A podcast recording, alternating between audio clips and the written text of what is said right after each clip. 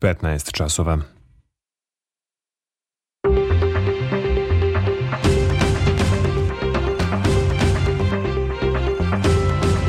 Radio Novi Sad. Novosti.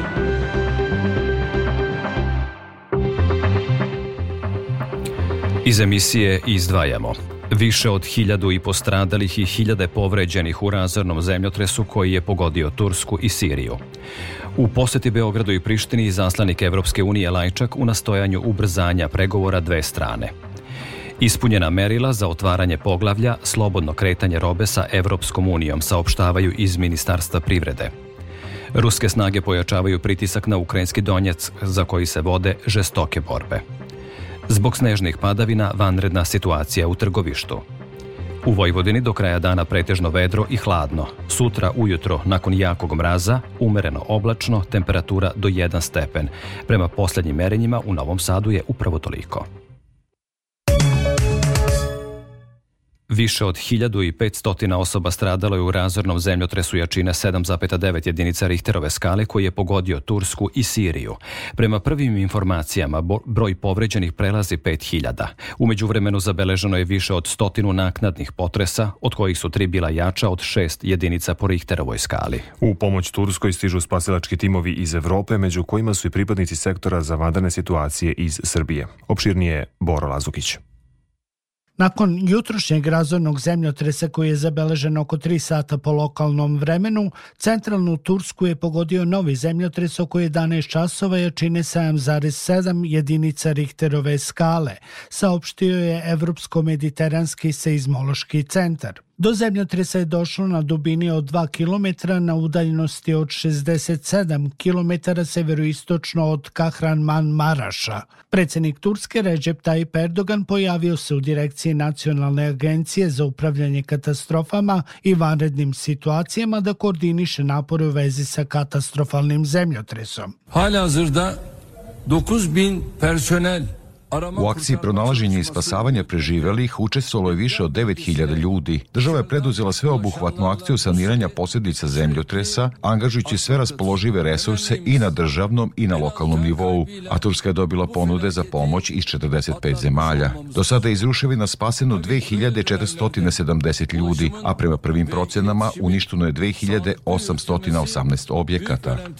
Potpredsednik Turske Fautokaj još jutros je upozorio na mogući veliki veliki broj žrtava. Hepimizin bildiği üzere bu gece U toku je velika akcija potrage i bojim se da broj žrtava nije konačan. U zemljotresu, prema prvim informacijama, pogođeno je 10 gradova. Gaziantep, Kahman Maras, Hatay, Osmanije, Adiyaman, Malatija, Sanli Rufa, Adana, Dijan Bakir i Kilis. Spasilačka akcija se nastavlja dalje u kontinuitetu. Za sada nema informacija da li ima povređenih državljana Srbije u zemljotresu koji je pogodio Tursku, izjavio je ambasador Srbije u Ankari Zoran Marković. Te moja saradnica poziva već dva sata sve naše građane za koje smo od ranije imali saznanje da borave e, na području u, u jugoistočne Turske. Najviše ih je bilo u području Gaziantepa oko 20 i na e, našu sreću nemamo loših vesti o našim državljanima e, u, na jugoistoku Turske, odnosno nema ih među nastradalima ili među povređenima. Predsednik Sirije Bašar el-Assad predsedavao je hitnom sednicom vlade sazvanom zbog razornog zemljotresa koji je pogodio pogranično područje između Turske i Sirije, u kojem je prema posljednjim podacima u Siriji poginulo više od 300 ljudi. Najveće posledice zemljotres je ostavio u provincijama Alep, Hama, Latakija i Tartus. Predsednik Srbije Aleksandar Vučić izrazio je saučešće porodicama nastradalih u jakom zemljotresu kao i narodu Turske i predsedniku Ređepu Tajipu Erdoganu. Saučešće je izrazila i premijerka Srbije Ana Brnabić. Slušate novosti Radio Novog Sada. Specijalni predstavnik Evropske unije za dijalog Beograda i Prištine Miroslav Lajčak boravit će u Beogradu gde će razgovarati sa predsednikom Aleksandrom Vučićem. Lajčak u Beograd dolazi iz Prištine gde razgovara sa premijerom privremenih prištinskih institucija Albinom Kurtijem. Opširnije Vesna Balta. U oči Lajčakovog dolaska Kurti je pozvao zapadne sile da ne vrše pritisak na Prištinu da prihvati formiranje zajednice srpskih opština, navodeći da mu njeno osnivanje, kako kaže, nije prioritet. Kurti se danas nenajavljeno sastao i sa ambasadorima Sjedinjenih američkih država, Italije, Francuske, Nemačke, Grčke i Finske.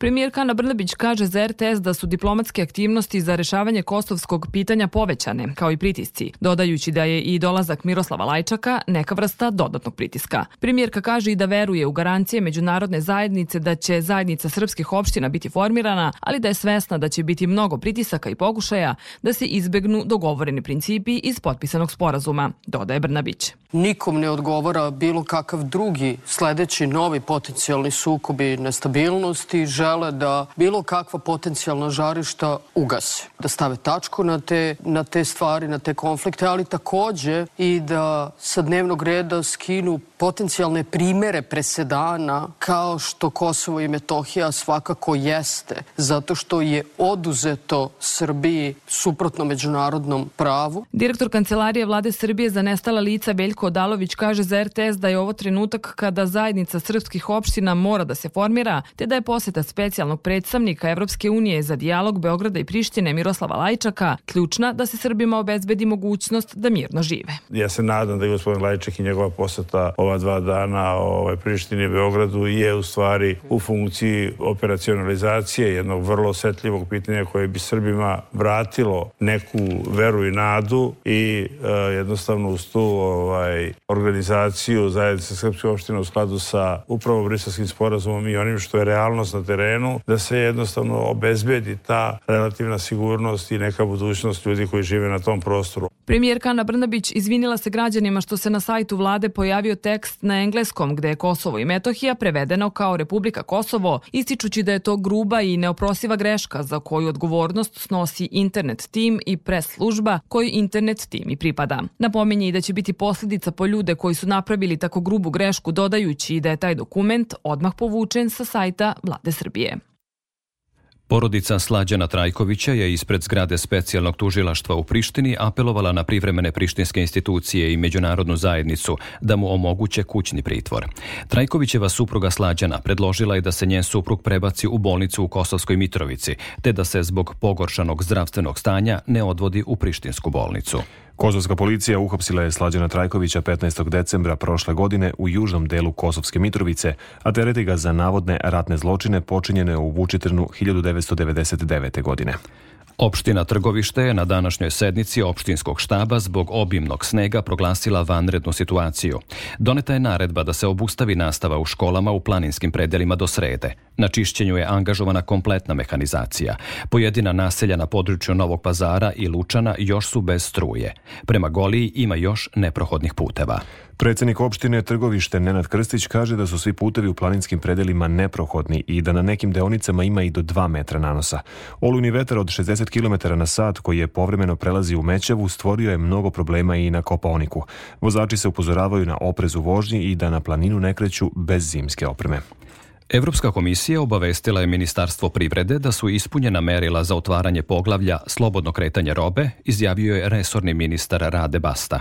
On je naveo da je obaveštenje o ispunjenim merilima za otvaranje tog poglavlja stiglo posle više od 8 godina razgovora sa predstavnicima Evropske komisije i delegacije Evropske unije u Srbiji, podsjećajući da naša zemlja najveću razmenu ostvaruje sa državama Evropske unije, te da je otvaranje poglavlja slobodno kretanje robe istorijski trenutak za našu zemlju. Taj princip znači da trgovina proizvodima iz jednog dela Evropske unije u bilo kojem drugom mora da se sprovodi bez ograničenja. Shodno tome, srpski proizvodi će se kretati na evropskom tržištu bez prepreka, saopšteno je iz Ministarstva privrede. U Briselu je završen sastanak Saveta za opšte poslove zemalja članica Evropske unije na kome se radilo na pripremi vanrednog samita koji je zakazan za četvrtak i petak. Ministri su osim ostalog razgovarali i o novom paketu sankcija Rusiji kao i o mogućnostima da Ukrajina bude obnovljena zaplenjenom ruskom imovinom, izveštava Ivan Ilić. Na vrhu agende šefova evropskih poslova bila je priprema za specijalni samit lidera zemalja članica krajem nedelje, na kome će glavne teme biti situacija u Ukrajini, evropska ekonomija i pitanje migracija. Na stolu je bio i razgovor o mogućnosti osnivanja posebnog tribunala za procesuiranje ruskih zvaničnika optuženih za ratne zločine, kao i inicijativa da se zamrznuta imovina Rusije koristi za obnovu Ukrajine, iako među EU zvaničnicima nema potpunog ubeđenja da je to moguće izvesti bez kršenja međunarodnog prava. Hadžalah Bib, ministar ministarka spoljnih i evropskih poslova Belgije podržava inicijativu. Mi ćemo nastaviti sa naše strane da radimo na pravnoj osnovi koja će nam dozvoliti zapadnu imovine ruskih oligarha.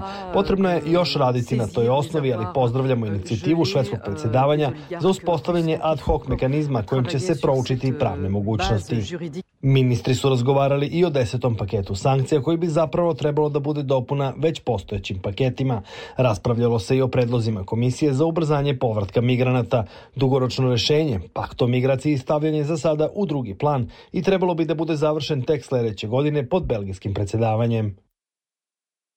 Situacija duž linije fronta na istoku Ukrajine je sve teža. Ruske snage su u ofanzivi u oblastima Kupjanska, Limana, Bahmuta, Avdijevke.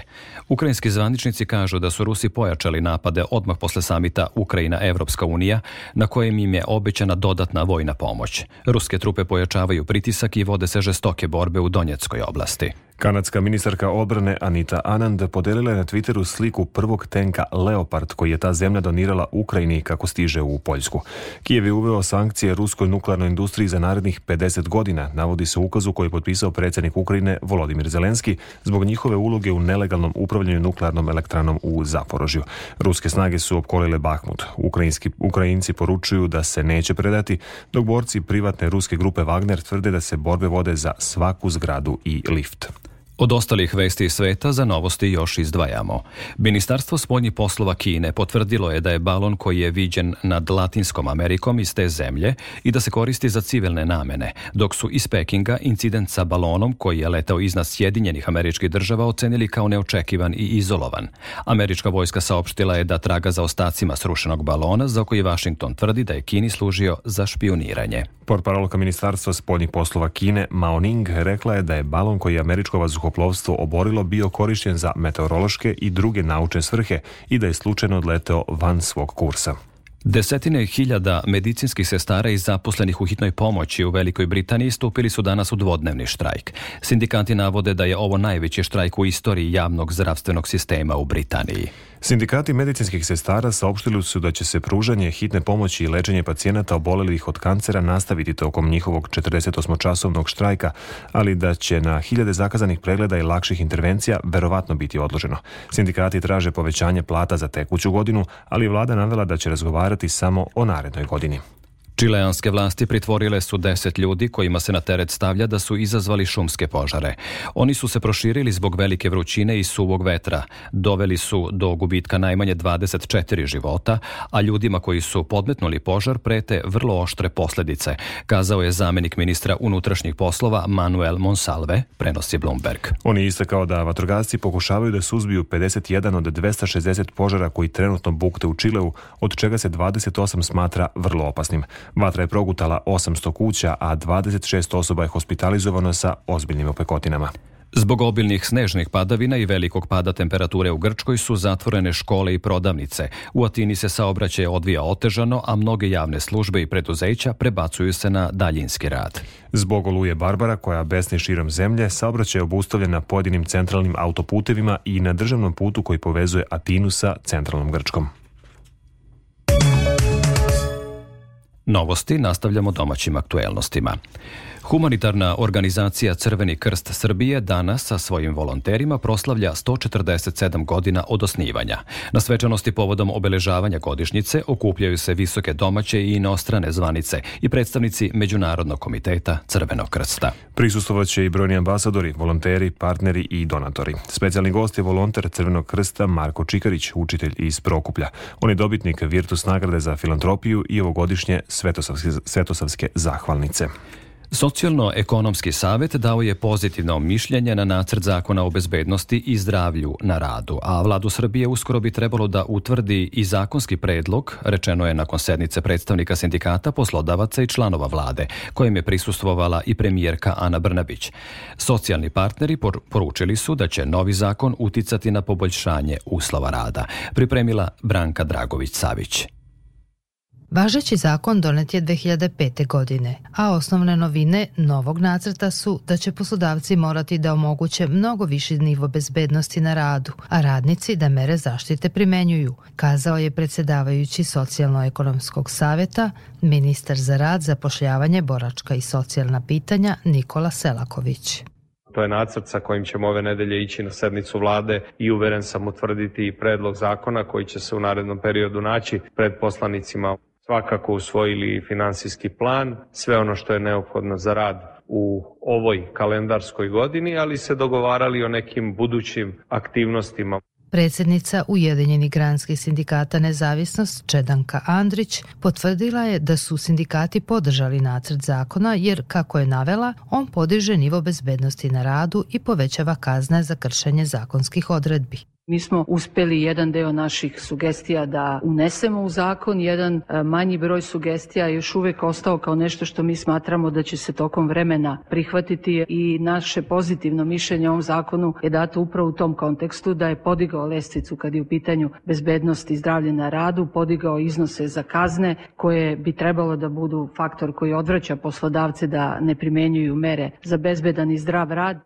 Nakon sednice saveta saopšteno je i da će posle usvajanja novog zakona u parlamentu uslediti utvrđivanje podzakonskih akata za njegovu primjenu, a u čiju izradu će biti uključeni svi socijalni partneri. Pokrajinski sekretarija za privredu i turizam potpisao je sporazum o saradnji sa Kulinarskom federacijom Srbije. Dve institucije prepoznale su zajednički interes za razvoj saradnje u oblasti gastronomije, sfere koja daje doprinos privrednom i kulturnom životu naše zemlje, rečeno je prilikom potpisivanja sporazuma u pokrajinskoj vladi. Detaljnije Milan Rakić. Turistički potencijal Vojvodine promoviše se na mnogim mestima u svetu. Prošle godine ukupno je 687.849 turista posjetilo Vojvodinu, a bilo je skoro 2 miliona noćenja. Potpisanim sporazumom kreirat će se i jedinstvena gastronomska ponuda Vojvodine, koja će još više doprineti razvoju turizma u pokrajini, rekao je sekretar Nenad Ivanišević. Ideja nam je upravo da predstavimo sve ono što jeste i gastronomija Vojvodine, naravno uz dobitnike priznanja najbolje iz Vojvodine, manifestacije koje će se posebno predstavljati, koji su opet važan segment turizma u Vojvodini. I ideja nam je da na svakoj sledećoj manifestaciji na kojoj nastupa pokrenjski sektarijat, naravno zajedno sa našim prijateljima, kolege iz federacije budu sa nama. Kulinarska federacija Srbije radi na očuvanju tradicionalne gastronomske ponude – Jela koje pripremaju njeni članovi takmiče se na mnogim gastronomskim prvenstvima širom sveta. Naredno takmičenje je krajem februara, polufinale najpoznatijeg internacionalnog takmičenja šefova i juniora u Riminiju, rekao je predsednik Upravnog odbora Kulinarske federacije Srbije Goran Radivojević gde smo jela koja su pripremljena, to je koja ćemo da pripremamo upravo kreirana sa asocijacijom na naš lokal pre svega, Tako da ćemo se truditi da pored dobrog rezultata pokušamo da predstavimo naše ukuse. I to je ono što mi pokušamo da, što je deo našeg jeli, posla, to je promocija gastronomije. Sporazumom se promovišu kulinarske škole kao i mladi koji se bave gastronomijom u Srbiji i regionu i njihovo učešće na manifestacijama koje promovišu turističke potencijale. Požar koji se dogodio jutros u fabrici plastike u Karađorđevoj ulici u naselju Bukovac u Novom Sadu uspešno je lokalizovan. Osim što je pričinjena materijalna šteta, povređenih nema. Uzrok požara će biti poznat nakon istrage. O tome Branislav Kozarov. Zahvaljujući brzoj intervenciji vatrogasaca, požar je lokalizovan, a prema informacijama koje smo dobili na licu mesta, povređenih nema. Požar je izbio nešto pre 10 časova. Odmah su obavešteni vatrogasci koji su vrlo brzo stigli na lice mesta, stavili požar pod kontrolu i tako sprečili širenje vatrene stihije. Goreo je objekat fabrike koja proizvodi plastične čese, ali vatra nije zahvatila deo u kojem su mašine. Na teren je izašlo 15 vatrogasaca iz Novog Sada za četiri vozila, a u pomoć su im pritekle kolege iz DVD Petrova Radin i Transnafte. Iz sporta za novosti ukratko izdvajamo. Košarkaši Vojvodine od 17 časova u Leskovcu sastaju se sa ekipom zdravlja u 21. kolu Prve lige Srbije, dok će sad kasnije košarkaši borca u Čačku dočekati Zagrebačku mladost u poslednjoj utakmici 18. kola ABA lige.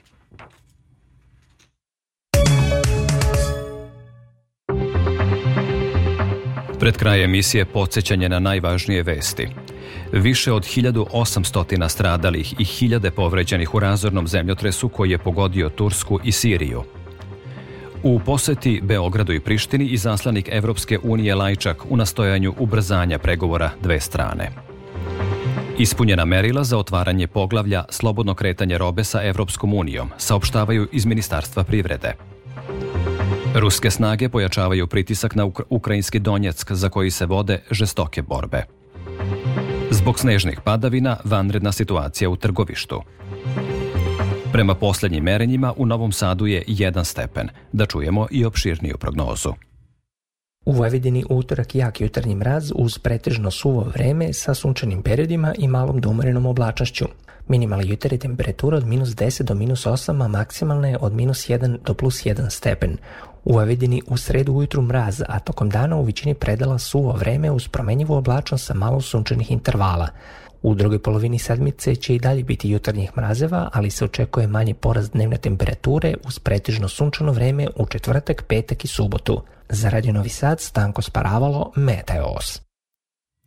Slušali ste novosti prvog programa radija Radio Televizije Vojvodine. Sve vesti iz zemlje i sveta možete pronaći na našoj internet stranici rtv.rs, gde ovu emisiju možete slušati odloženo. Novosti tonski realizovala Olga Ćipanov, producentkinja Branislava Stefanović, pred mikrofonom bili urednik Goran Pavlović i Nikola Rausavljević. U nastavku programa sledi Radio Sport. Hvala na pažnji.